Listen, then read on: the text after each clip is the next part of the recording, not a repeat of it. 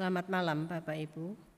Ya, kalau begini sudah kelihatan semua wajahnya, tadi cuma kelihatan titik hitam-hitam aja. Kita memasuki bulan cinta gereja pada minggu yang ketiga dan kita hari ini akan membaca dari Injil Lukas pasal 16 ayatnya yang pertama sampai 13.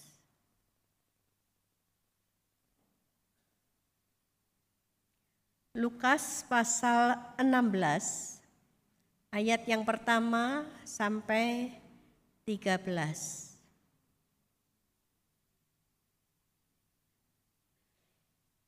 Perumpamaan tentang bendahara yang tidak jujur. Dan Yesus berkata kepada murid-muridnya, "Ada seorang kaya yang mempunyai seorang bendahara Kepadanya disampaikan tuduhan bahwa bendahara itu menghamburkan miliknya. Lalu ia memanggil bendahara itu dan berkata kepadanya, "Apakah yang kudengar tentang engkau? Berilah pertanggungan jawab atas urusanmu, sebab engkau tidak boleh lagi bekerja sebagai bendahara."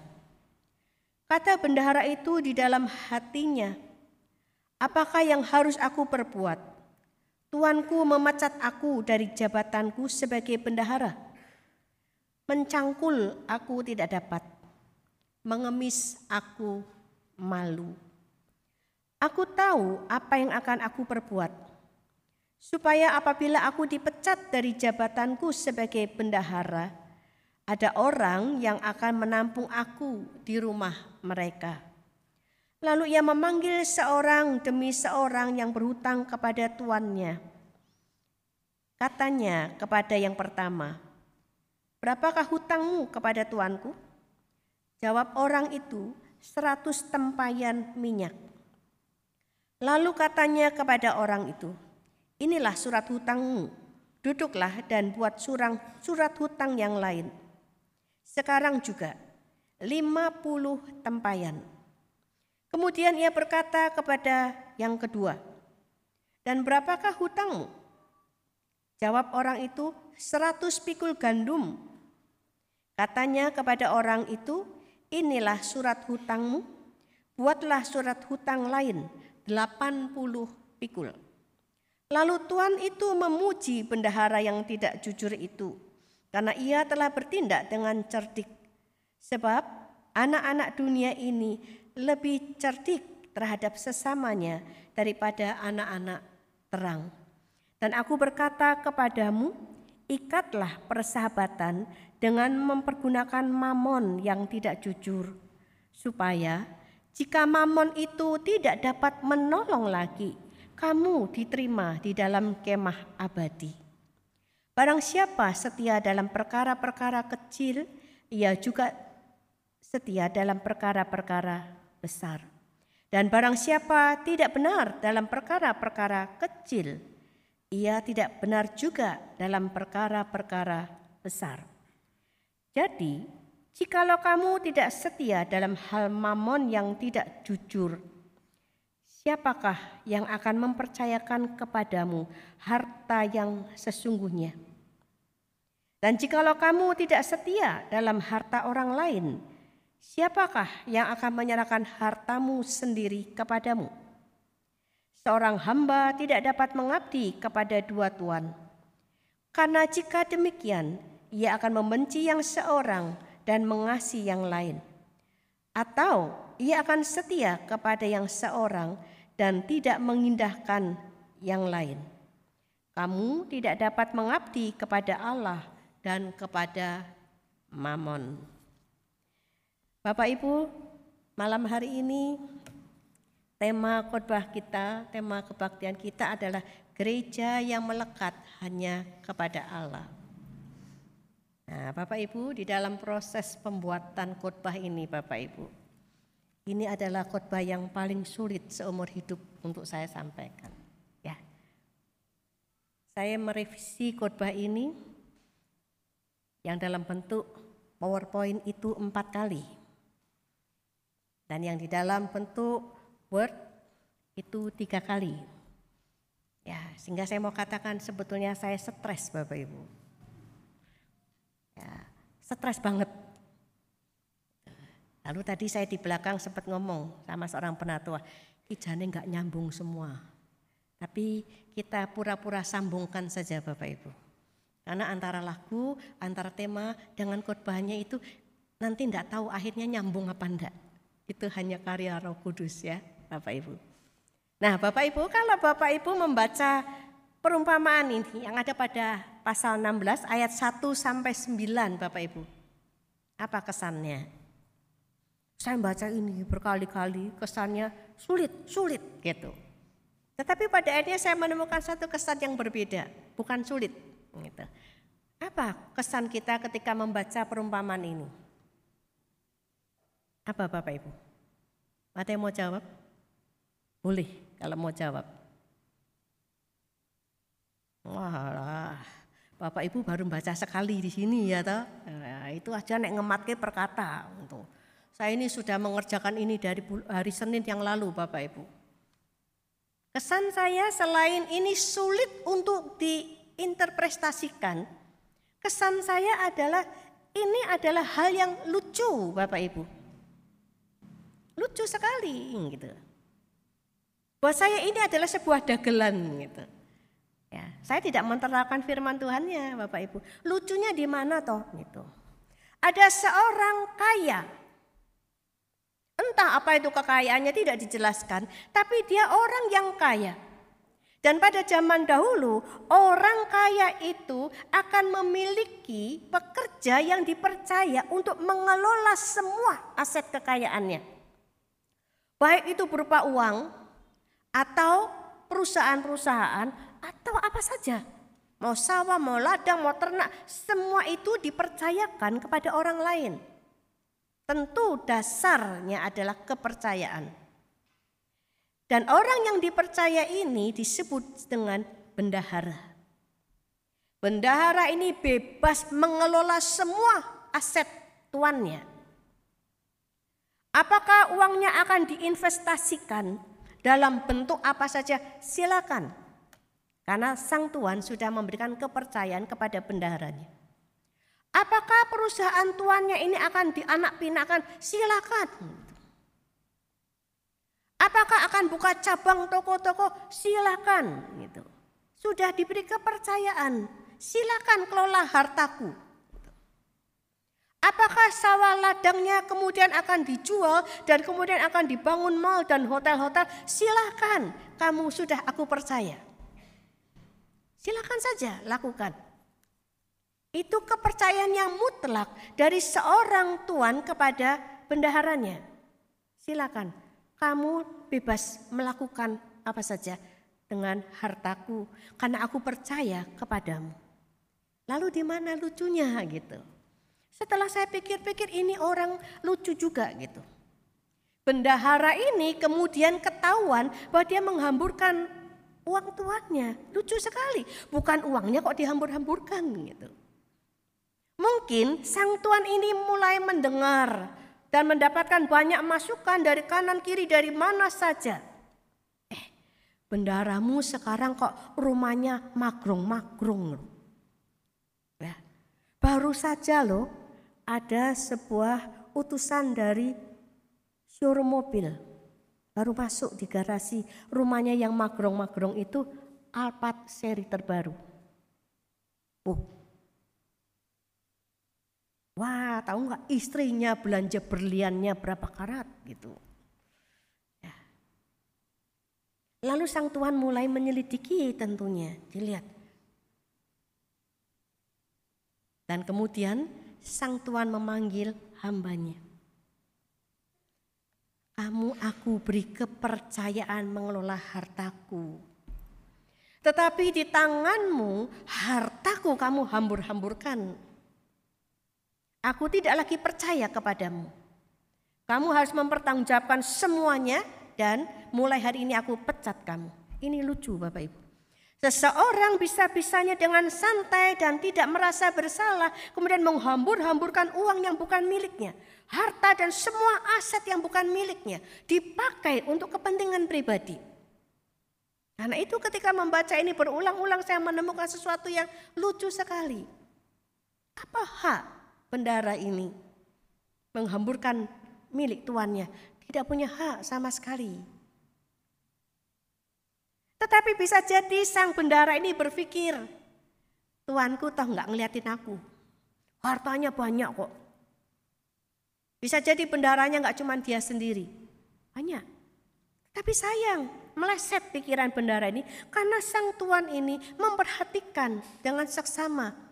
Lalu mulai melihat, mulai mencari tahu kebenaran dari desas-desus tentang sang bendahara.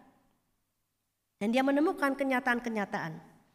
Lalu bendara ini dipecat dan harus mempertanggungjawabkan semuanya. Nah, Bapak Ibu,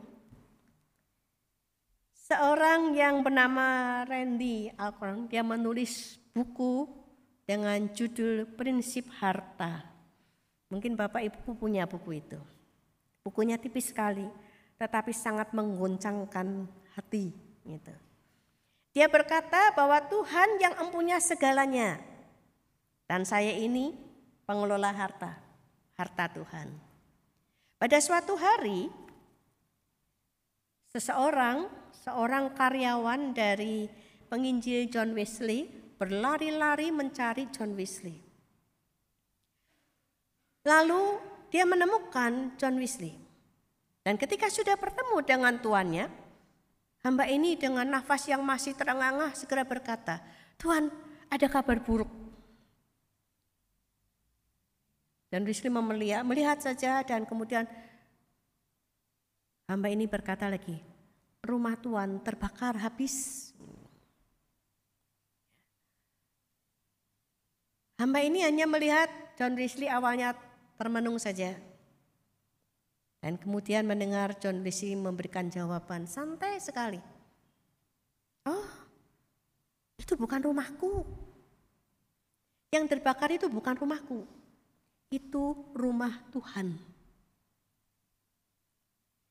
Jadi sekarang tanggung jawabku berkurang satu. Tidak ada kesusahan, tidak ada kesedihan di dalam diri John Wesley. Ketika mendengar kabar rumahnya terbakar habis. Karena John Wesley mulai memiliki satu prinsip dalam hidupnya. Rumah yang aku tempati itu bukan milikku, itu milik Tuhan. Aku cuma diberi kepercayaan untuk memakainya. Hingga ketika terbakar dia justru dengan santai berkata, tanggung jawabku malah berkurang satu. Santai sekali. Bagaimana kita Bapak Ibu kalau mendengar kabar dari seseorang, rumahnya terbakar habis gitu. Salah satunya mungkin bisa langsung masuk rumah sakit jiwa Bapak Ibu. Edan kita, habis semuanya. Ya, kalau sudah terbakar tuh oh, sudah tidak bisa apa-apa Bapak Ibu. Tetapi John Wesley santai saja menanggapinya. Reaksi John Wesley ini bukan karena dia putus asa, tetapi karena dia sudah mulai di dalam imannya memberikan sebuah pengakuan, semua yang ada di dunia ini adalah milik Tuhan. Dan dia hanya mengelolanya. Bapak Ibu, setiap kali kita berpikir bahwa kita ini adalah pemilik harta, benda, kita perlu hati-hati. Benarkah harta benda itu milik kita atau itu milik Tuhan? Dan kita hanya mengelola saja harta itu. Dan sesungguhnya Bapak Ibu kalau kita sudah sampai pada satu pemikiran semua harta benda yang ada di tangan kita itu adalah milik Tuhan. Dan kita ini hanya bendahara yang diminta mengelola harta itu seumur hidup kita. Satu yang sangat indah yang perlu kita ketahui adalah bahwa nama kita ini tercantum dengan jelas di rekening Tuhan. Dan kita ini memiliki akses yang sangat bebas, tidak terbatas ke rekening Tuhan itu.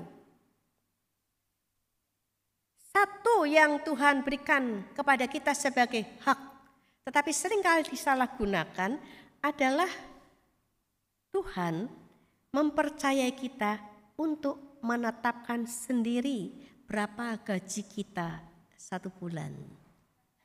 Berapa gaji kita satu tahun? Berapa gaji kita seumur hidup? Tuhan memberikan kepada kita hak, boleh memutuskan sendiri kenaikan gaji. Tapi hak ini sering kali disalahgunakan Bapak Ibu karena kita selalu ingin naik gaji setiap hari. Setiap hari. Hmm. Tuhan itu sudah buka rekening dan di rekening itu ada nama kita dan kita bebas keluar masuk akses rekening Tuhan. Tuhan memberikan kepada kita kepercayaan sana tetapkan sendiri gajimu. Kita boleh memakai harta Tuhan untuk membiayai seluruh kehidupan kita. Semua biaya-biaya kehidupan kita ambil dari kekayaan Tuhan. Yang tidak boleh dilakukan oleh kita adalah menimbun atau menghamburkan harta Tuhan. Karena semua kelebihan sesudah kita mengambil gaji kita dari rekening Tuhan itu, itu mutlak hak Tuhan dan Tuhanlah yang berhak untuk menetapkan dana itu mau disalurkan ke mana. Yang sering kali dilakukan adalah kita berpikir ini milikku, gaji sebulan ini milikku, hasil kerjaku. Bukan, itu milik Tuhan. Dari gaji yang satu bulan itu kita tetapkan lagi berapa sebetulnya gaji kita yang sesungguhnya. Kelebihan dari itu kemudian biarkan Tuhan yang akan mengatur ke mana dana itu akan disalurkan melalui kita. Toko ini punya aku bukan, toko ini milik Tuhan gitu. Bedanya dengan karyawan kita, karyawan kita bekerja dengan kita, kita bekerja dengan Tuhan. Gitu. Perusahaan ini milikku bukan, ini milik Tuhan. Gitu. Itu yang mau dikatakan oleh John Wesley. Itu yang mau dikatakan oleh seorang yang bernama Randy Alcorn. Dan ini sangat mengejutkan sekali Bapak Ibu. Karena bagi kita harta kita ini milik kita. Hasil kerja keras kita dengan sungguh-sungguh. Sehingga kita berhak melakukan apa saja. Mau ditimbun, mau dihambur-hamburkan, ini hakku, ini uangku. Gitu.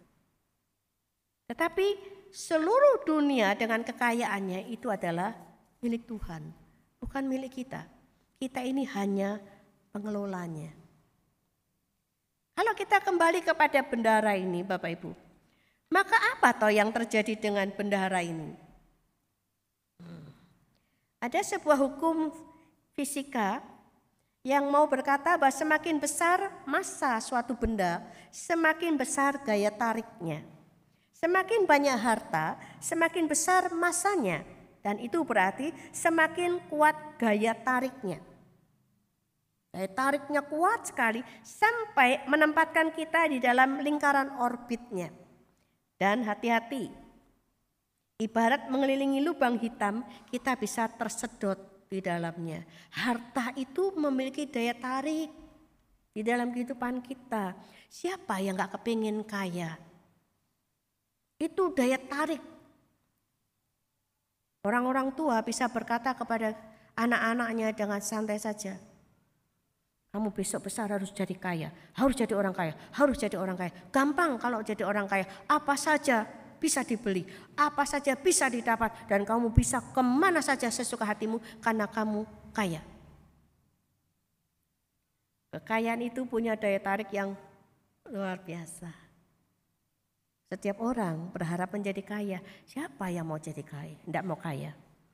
Dan ketika bendahara ini tersedot dengan daya tarik kekayaan tuannya, dia mulai tidak bisa menguasai dirinya dan dia mulai menghambur-hamburkan harta kekayaan tuannya. Lalu ketika tuannya memanggil dia untuk mempertanggungjawabkan dan mulai akan memecat dia, hamba ini mulai takut. Wah, kalau dipecat berarti aku miskin dong gitu. Miskin. Eh, bukankah hamba ini, bendara ini memang awalnya miskin dan selalu miskin. Dia kaya hanya karena dia diberi kepercayaan untuk mengelola harta tuannya. Ya. Jadi kalau dia kembali lagi pada asalnya menjadi miskin, lah memang asalnya dari sana. Tetapi bendahara ini tentu tidak sanggup karena dia sudah terlalu biasa hidup di dalam timbangan harta milik tuannya. Dipecat oleh tuannya berarti diambil semua fasilitasnya. Dan tidak lagi dibayar. Hamba ini mulai mengalami ketakutan-ketakutan yang luar biasa dan dia mulai harus memikirkan apa yang harus aku lakukan. Lalu dia memiliki sebuah cara. Dia panggil orang-orang yang berhutang kepada tuannya. Berapa hutangmu? 100 tempayan minyak. Ini, tulis yang baru. Enggak 100, 50 saja. Aku diskon 50. Orang yang didiskon utangnya senang sekali. Dan melihat bendahara ini sebagai pahlawan. Aku enggak perlu bayar 100, 50 aja sudah cukup. Lalu orang kedua dipanggil berapa hutangmu kepada tuanku? 100 pikul gandum. Nih surat hutang yang baru, tulis sendiri. 80 pikul. Kok 80? Aku diskon 20 pikul. Ya. Ini cerdik sekali gitu. Karena bendahara ini mulai memanfaatkan orang-orang yang berhutang kepada tuannya untuk menjadi berhutang budi kepada si bendahara ini. Karena si bendahara ini berpikir, kalau aku dipecat oleh tuanku dan kalau semua fasilitas hidupku diambil, aku mau ke mana? Mau ke mana aku? Harus ada orang yang berhutang budi sama aku. Supaya ketika aku harus keluar dari rumah tuanku, ada orang yang mau menampung aku. Karena itu dia mulai bikin surat hutang yang baru supaya orang-orang yang berhutang kepada tuannya itu berhutang budi kepada dia. Lalu akan mempersilahkan, Pak Bendahara mari di rumahku saja karena kamu sudah menolong aku. Perumpamaan ini tidak sedang mendukung sebuah ketidakjujuran. Tapi kalau Tuhan Yesus menyampaikan perumpamaan ini, Tuhan Yesus mau menunjukkan ada sebuah kecerdikan yang sedang digali dan dikerjakan oleh seorang bendahara yang sudah menyalahgunakan kepercayaan tuannya. Cerdik. Bahkan di dalam ayatnya yang ke-8 dikatakan, lalu Tuhan itu memuji bendahara yang tidak jujur itu karena ia telah bertindak dengan cerdik. Yaitu mempersiapkan masa depannya sesudah dipecat oleh sang Tuhan. Nah, yang menarik adalah kalimat berikutnya. Sebab anak-anak dunia ini lebih cerdik terhadap sesamanya daripada anak-anak terang. Tuhan Yesus selalu menyindir anak-anak terang. Anak-anak dunia ternyata lebih cerdik loh daripada anak-anak terang. Anak-anak terang itu kan kita semua tuh Bapak Ibu. Ya, kita semua gitu. Orang-orang dunia lebih bisa memikirkan dan mempersiapkan masa depannya dibandingkan dengan anak-anak terang. Bagaimana ya? Nah, Bapak Ibu. Ada tiga gambar di sini. Orang-orang dunia, anak-anak dunia, bisa jadi punya kepercayaan amal itu menyelamatkan dia. Ya, ada yang berpikir begitu. Orang-orang dunia, bukan kita. Kita berpikir apa? Keselamatan itu hanya karena kasih karunia, sola gracia bukan amal gitu. Karena itu Bapak Ibu lihat perhatikan gambar yang ketiga. Anak dunia akan memilih kota amal, anak terang akan memilih kota saran. Anak dunia itu di mana-mana bisa jadi karena mikir amalku itu akan membuat aku masuk ke surga. Amalku bisa menyelamatkan aku sehingga ada kota amal di mana saja cemplungi-cemplungi. Kita berkata apa? Amal itu nggak menyelamatkan. Kita diselamatkan karena kasih karunia. Mari kita masukkan saja ke dalam kotak saran. Kasih saran. Mbok kalau minta amal itu tahu kira-kira dong misalnya. Atau yang lebih teologis. Keselamatan itu hanya ada di dalam Yesus Kristus. Percayalah ya. Kalau perlu dikutip ayat Alkitabnya Yohanes 14 ayat 6. Akulah jalan kebenaran dan hidup. Barang siapa akan kepada Bapa harus melalui aku masukin ke dalam kotak saran. Betul gak? Wah, ini ketika melihat gambar ini saya ketawa, iya ya, anak-anak dunia lebih cerdik. Mereka mulai beramal, memakai hartanya, memakai uangnya untuk memikirkan masa depannya. Kalau aku sudah mati dari dunia ini, sudah keluar dari dunia ini, aku mau ke mana? Anak-anak dunia mulai berpikir, aku harus beramal sebanyak-banyaknya. Supaya nanti ada tempat yang menerima aku.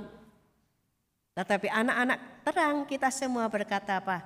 Nggak usah beramal karena keselamatan ada di dalam Yesus Kristus. Keselamatan itu cuma karena kasih karunia. Sola gracia. Gak perlu bayar. Ya.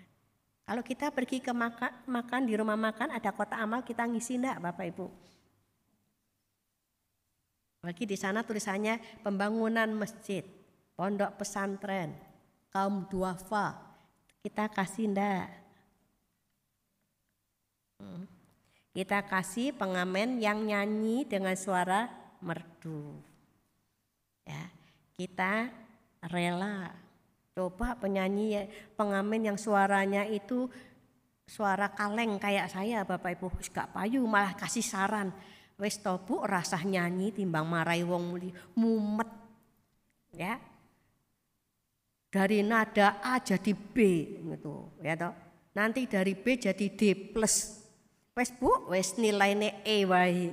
Ya Wes gak usah nyanyi itu masuk ke kotak saran saja. Tapi anak dunia tidak demikian. Ya, anak dunia betul-betul memikirkan. Nah di dalam kasus bendahara ini, ketika mulai berpikir bahwa tuannya bisa jadi akan memecat dan mengambil semua fasilitasnya, dia mulai berpikir, apa yang harus aku lakukan supaya ketika tuanku memecat aku, ada orang yang akan menampung aku di rumahnya. Bendara ini kemudian dengan sukarela, sukarela tidak dipaksa, dia mulai melepaskan dirinya dari harta benda tuannya. Dia mulai dengan sukarela memberikan diskon kepada penghutang-penghutang uang tuannya. Dia tidak lagi mengikat dirinya dengan harta tuannya. Harta yang semula itu membuatnya bergairah untuk menghambur-hamburkannya sekarang mulai dipakai untuk menyelamatkan masa depannya. Dia menyelamatkan masa depannya dengan melepaskan harta itu dari genggaman tangannya. Tuhan berkata, anak dunia lebih cerdik daripada anak terang. Karena ketika anak-anak dunia itu mempersiapkan masa depan mereka, anak-anak terang santai-santai saja, sudah ada jaminan keselamatan. Tidak usah beramal, gitu ya. Apa-apa menghamburkan uang, gitu. Tinggal mengaku dosa dan dosa itu diampuni di dalam Yesus Kristus, ya kan? Enak banget gitu sebetulnya jadi anak terang Bapak Ibu. Nah, Bapak Ibu, ayatnya yang ke-9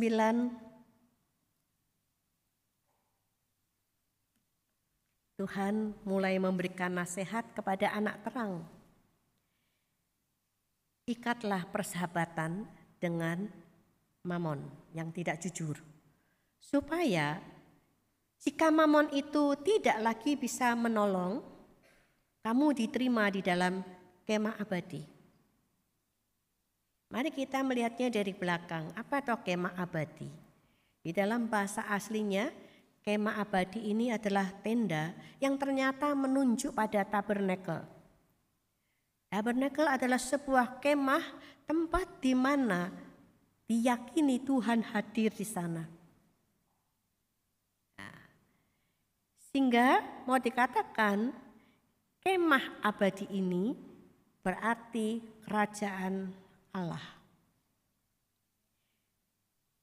Ikatlah persahabatan dengan mamon yang tidak jujur, supaya jika mamon itu tidak lagi bisa menolong kamu, supaya ketika suatu hari kamu tidak lagi bisa ditolong oleh mamon dan mamon itu tidak bisa berbuat apa-apa untuk dirimu kamu diterima di kemah abadi. Kamu diterima di dalam kerajaan Allah. Itu kata Yesus.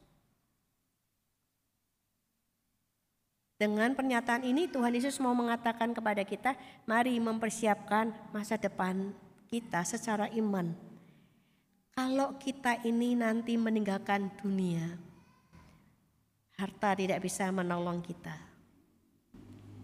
Kita tidak bisa berkata kepada dokter, dok berapapun saya bayar dok, asal istri saya hidup mamon tidak bisa menolong.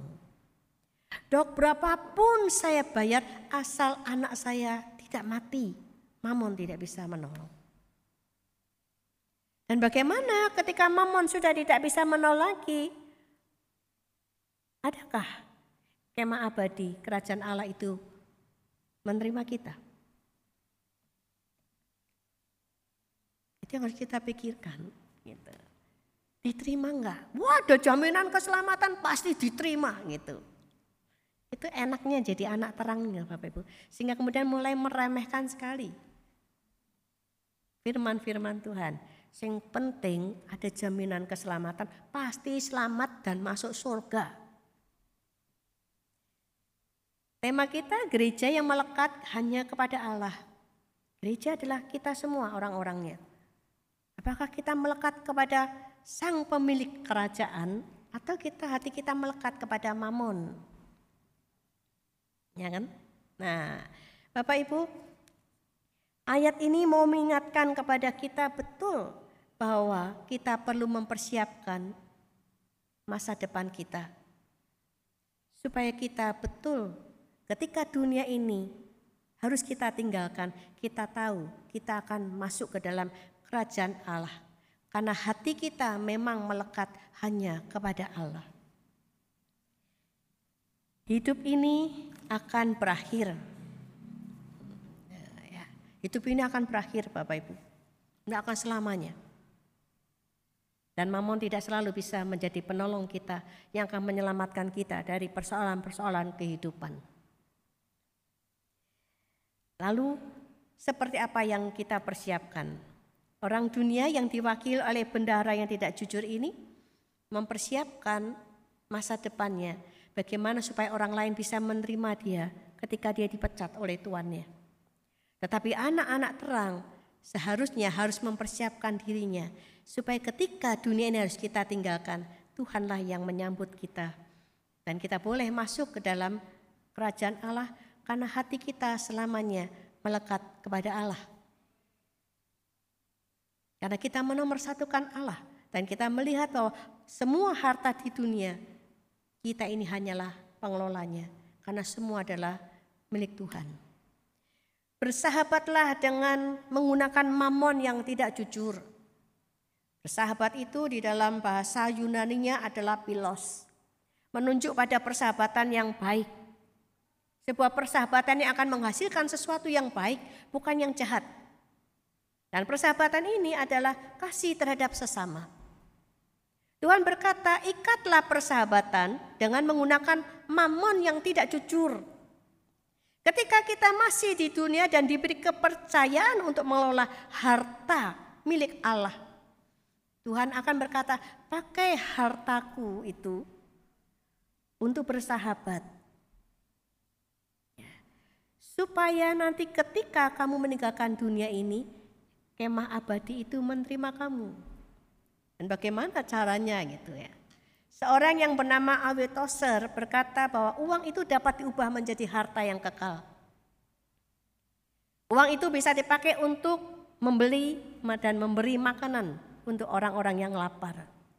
Uang itu bisa dipakai untuk memberi pakaian untuk orang yang kekurangan. Rumah itu bisa dipakai untuk membangun panti-panti, entah panti asuhan, panti jompo, atau rumah singgah, atau rumah penampungan bagi orang-orang yang tidak memiliki rumah. Rumah itu, uang itu juga bisa dipakai untuk membiayai misionaris. Gak usah kita pergi ke ujung dunia. Misionaris-misionaris sudah pergi ke sana dan kita bisa membiayainya dan dengan uang itu kita sedang menyelamatkan banyak jiwa. Menyelamatkan banyak jiwa berarti kita sedang bersahabat dengan menggunakan mamon. Ada banyak jiwa-jiwa yang akan dimenangkan oleh para misionaris. Nah ini yang satu lagi Bapak Ibu. Yang dimunculkan pada bulan cinta gereja.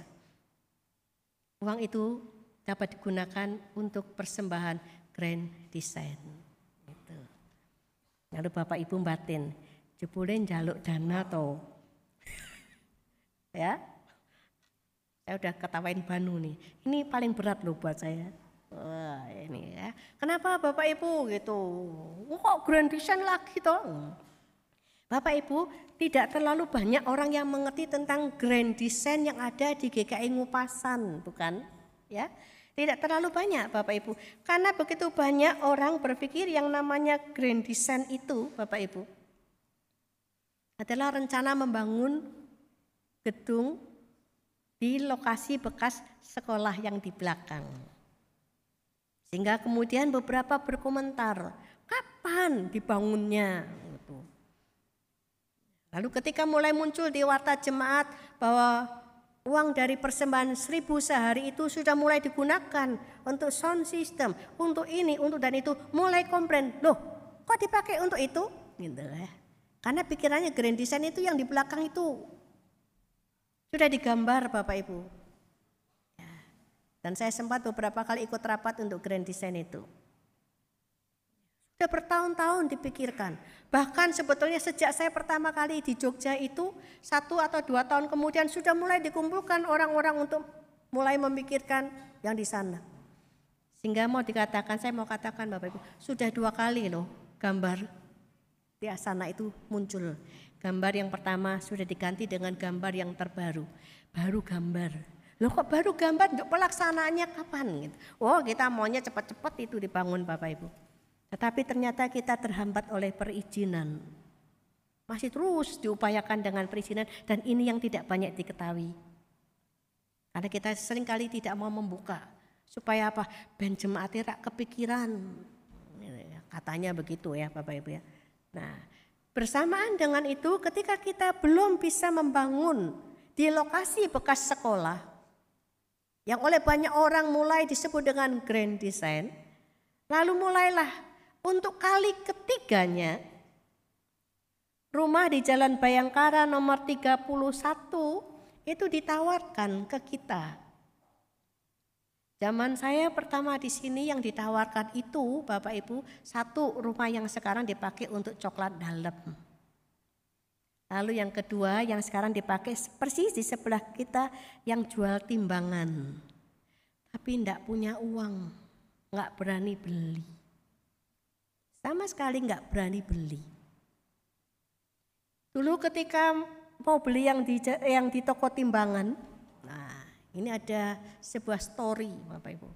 Ya, mulai dipikir. Nanti dibuat dua lantai. Dulu saya belum menikah. Nanti lantai kedua untuk rumahnya Bu Siati. Bawa parkir. Saya bilang, "Mah, kenapa? Saya nanti semakin tua, nggak bisa naik turun tangga kakinya sakit dan ternyata betul belum sampai tua saja lutut saya sudah bermasalah apalagi sampai tua tinggal di sana saya kok kayak burung mencelok di sana eh ada jalan keluarnya Nggak usah khawatir bu, nanti dari sana dibuat sebuah jembatan penyeberangan langsung turun ke gedung pertemuan. Lah ya sama saja dari gedung pertemuannya tetap turun. Emang saya mau nenggar terus di gedung pertemuan? Nggak mau. Ya, nah, nggak jadi dibeli Bapak Ibu. Sini nggak dibeli, sana nggak dibeli. Lalu nyesel lah kita. Kok nggak dibeli ya? Dulu coklat dalam itu Bapak Ibu masih ingat pesing banget toh baunya di sana. Orang gila ya, siapa saja bisa nggak cuma tidur di sana, buang air kecil, buang air besar ya di sana, lalu baunya sampai ke GKI Ngupasan. Baguslah GKI Ngupasan tidak disebut gereja pesing, baunya sampai ke sini. Nggak beli, nggak ada uang, nggak berani. Untuk ketiga kalinya pemilik rumah itu menawarkan kepada GKI Ngupasan. Lalu mulai dipikir, Tuhan sudah mengingatkan tiga kali, kok nggak dibeli? Lalu ada orang yang bilang begini, Allah naik rumah itu dibeli juga paling berapa sih yang mobil yang bisa masuk ke dalamnya? Enggak apa-apa, paling tidak mengurangi kok gitu. Mengurangi kepadatan gitu ya. Ini loh Bapak Ibu gambarnya. Ya. Ada lingkaran merah itu tanah yang dibeli. Rumah itu letter L karena akhirnya nanti akan nembus di bawah gedung pertemuan. Ya, bukan di bawah gedung pertemuannya berarti di lingkungan sekolah, bekas sekolah. Itu yang diincer. Supaya kemudian sebelum lokasi bekas sekolah itu dibangun, kita sudah lebih dulu punya yang satu ini. Syukur-syukur Bapak Ibu. Nanti kita bisa lebih nih yang lain di tangga kanan kiri. Untuk apa toh? Emangnya pembangunan Grand Design ini bisa menolong kita ya untuk mempersiapkan masa depan. Bapak Ibu mau tidak mau kita harus jujur untuk mengakui bahwa sebagian besar kegiatan iman kita dikerjakan di gereja. Sebagian besar. Pengajaran, pemuritan, persekutuan doa, latihan paduan suara, rapat-rapat di mana? Di gedung gereja. Ya. Lalu kita mulai lihat lagi gitu. Ternyata bukan hanya setiap hari Minggu, Parkir itu halaman kita tidak cukup. Ada satu keluarga pergi kebaktiannya beda jam. Yang satu setengah tujuh, yang satu jam sembilan pagi. Mepet pakai dua mobil. Yang setengah tujuh belum pulang, yang jam sembilan sudah datang. Kalau Bapak Ibu kebaktian hari Minggu akan melihat. Dari mana toh parkir jemaat GKI Ngupasan? paling minim itu dari depannya toko pembantu. Sampai mana? Pasar patok. Yang pasar patok yakin Bapak Ibu itu datangnya pasti telat. ya toh? Ada dapat yang di sini ya. Nah, lalu masih belok. Hmm, di depan kantor polisi masih ada beberapa mobil jemaat. Eh masih ada lagi yang jalan gandean sampai depan SMA 10. Ya, nggak berani menurut saya parkir di Patok karena di sana pasti ketemu dengan bis-bis di Pak Pia Patok. Ya, banyak sekali mobil itu. Dan nanti ketika kita parkir itu kita bersungut-sungut, aduh men, gitu. Ya mau parkir aja jauh sekali sampai pasar patok akhirnya kita tidak ke gereja tapi belanja. Ayah tuh kesuwen ke sini deket sana ya. Nah kemudian di dalam kenyataannya Bapak Ibu banyak jemaat yang kita temukan tidak lagi di GKI Ngupasan tapi di gereja lain. Bukan karena nggak cinta sama GKI Ngupasan. Tetapi karena nggak dapat parkir. Ya nggak dapat parkir gitu. Ini belum apa-apa Bapak Ibu. Nanti kalau Malioboro sudah ditutup untuk kendaraan, maka jalan Bayangkara menjadi jalan utama. Semua kendaraan akan lewat di sini. Dan lihatlah, perhatikan mulai dari sekarang. Ada papan-papan pengumuman di setiap rumah. Parkir khusus Bayangkara nomor sekian. Parkir khusus toko ini. Lalu kita bilang, yuk kita parkir aja di Hotel Kandela. Cordela, boleh nggak apa-apa, paling bayarnya tarif satu kamar satu malam. Ya kan? Hotel sana sering kali parkir bis di depan kita. Kita masih baik hati, ya wis gak popo asal pas gak rame. Tapi kita boleh po parkir di sana. Lah ya ndak boleh toh kalau kita nggak nyewa Bapak Ibu. Loh tapi itu kan cuma seminggu sekali toh hari Minggu. Hmm. Bapak Ibu, mari perhatikan hari lain. Ya. Untuk semester ini kita perhatikan hari Selasa. Hari Selasa apa tuh kegiatannya? Wah sampai muncup-muncup mobilnya itu. Ada katekisasi, pengajaran. Ada nitas kana pemuritan. Ada latihan untuk kebaktian. Lalu apa lagi? Ada rapat-rapat. Ada komsel. Itu semester ini. Nanti semester depan Januari meluap pada hari Rabu. Karena kalau Januari kata sasinya pindah hari Rabu. Hari Rabu ada paduan suara Shalom, ada katekisasi, ada paduan suara Gloria, ada PDU, belum lagi ditambah rapat-rapat. Ya. Lalu parkirnya di mana? Sampai patok.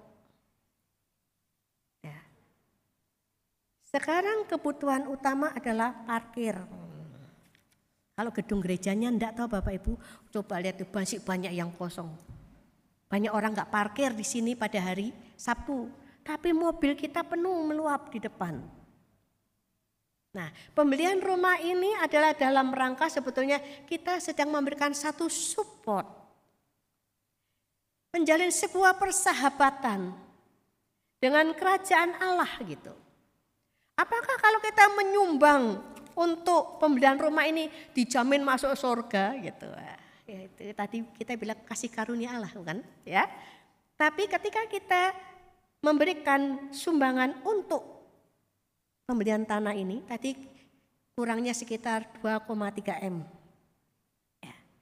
Kita ini sedang membuat gereja kita, jemaat kita bertumbuh ke arah yang lebih baik dengan memberikan fasilitas. Karena orang yang mau katekisasi tidak terganggu. Karena orang yang mau datang PTU tidak terganggu. Karena orang yang mau pemuritan tidak terganggu. Orang-orang mulai memiliki akses yang jauh lebih baik untuk bertumbuh dan berkembang di dalam iman.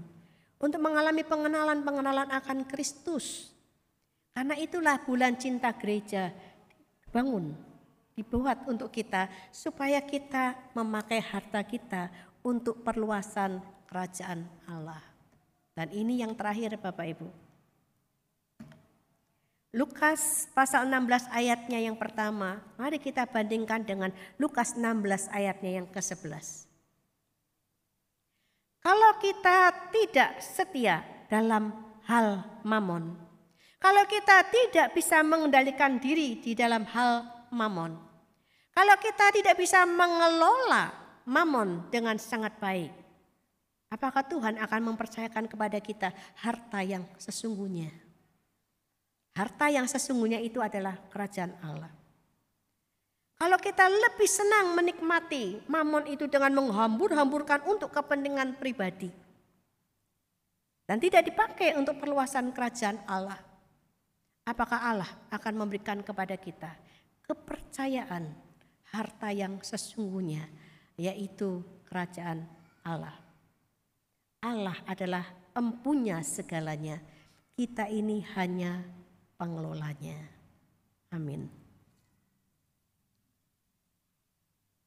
thank you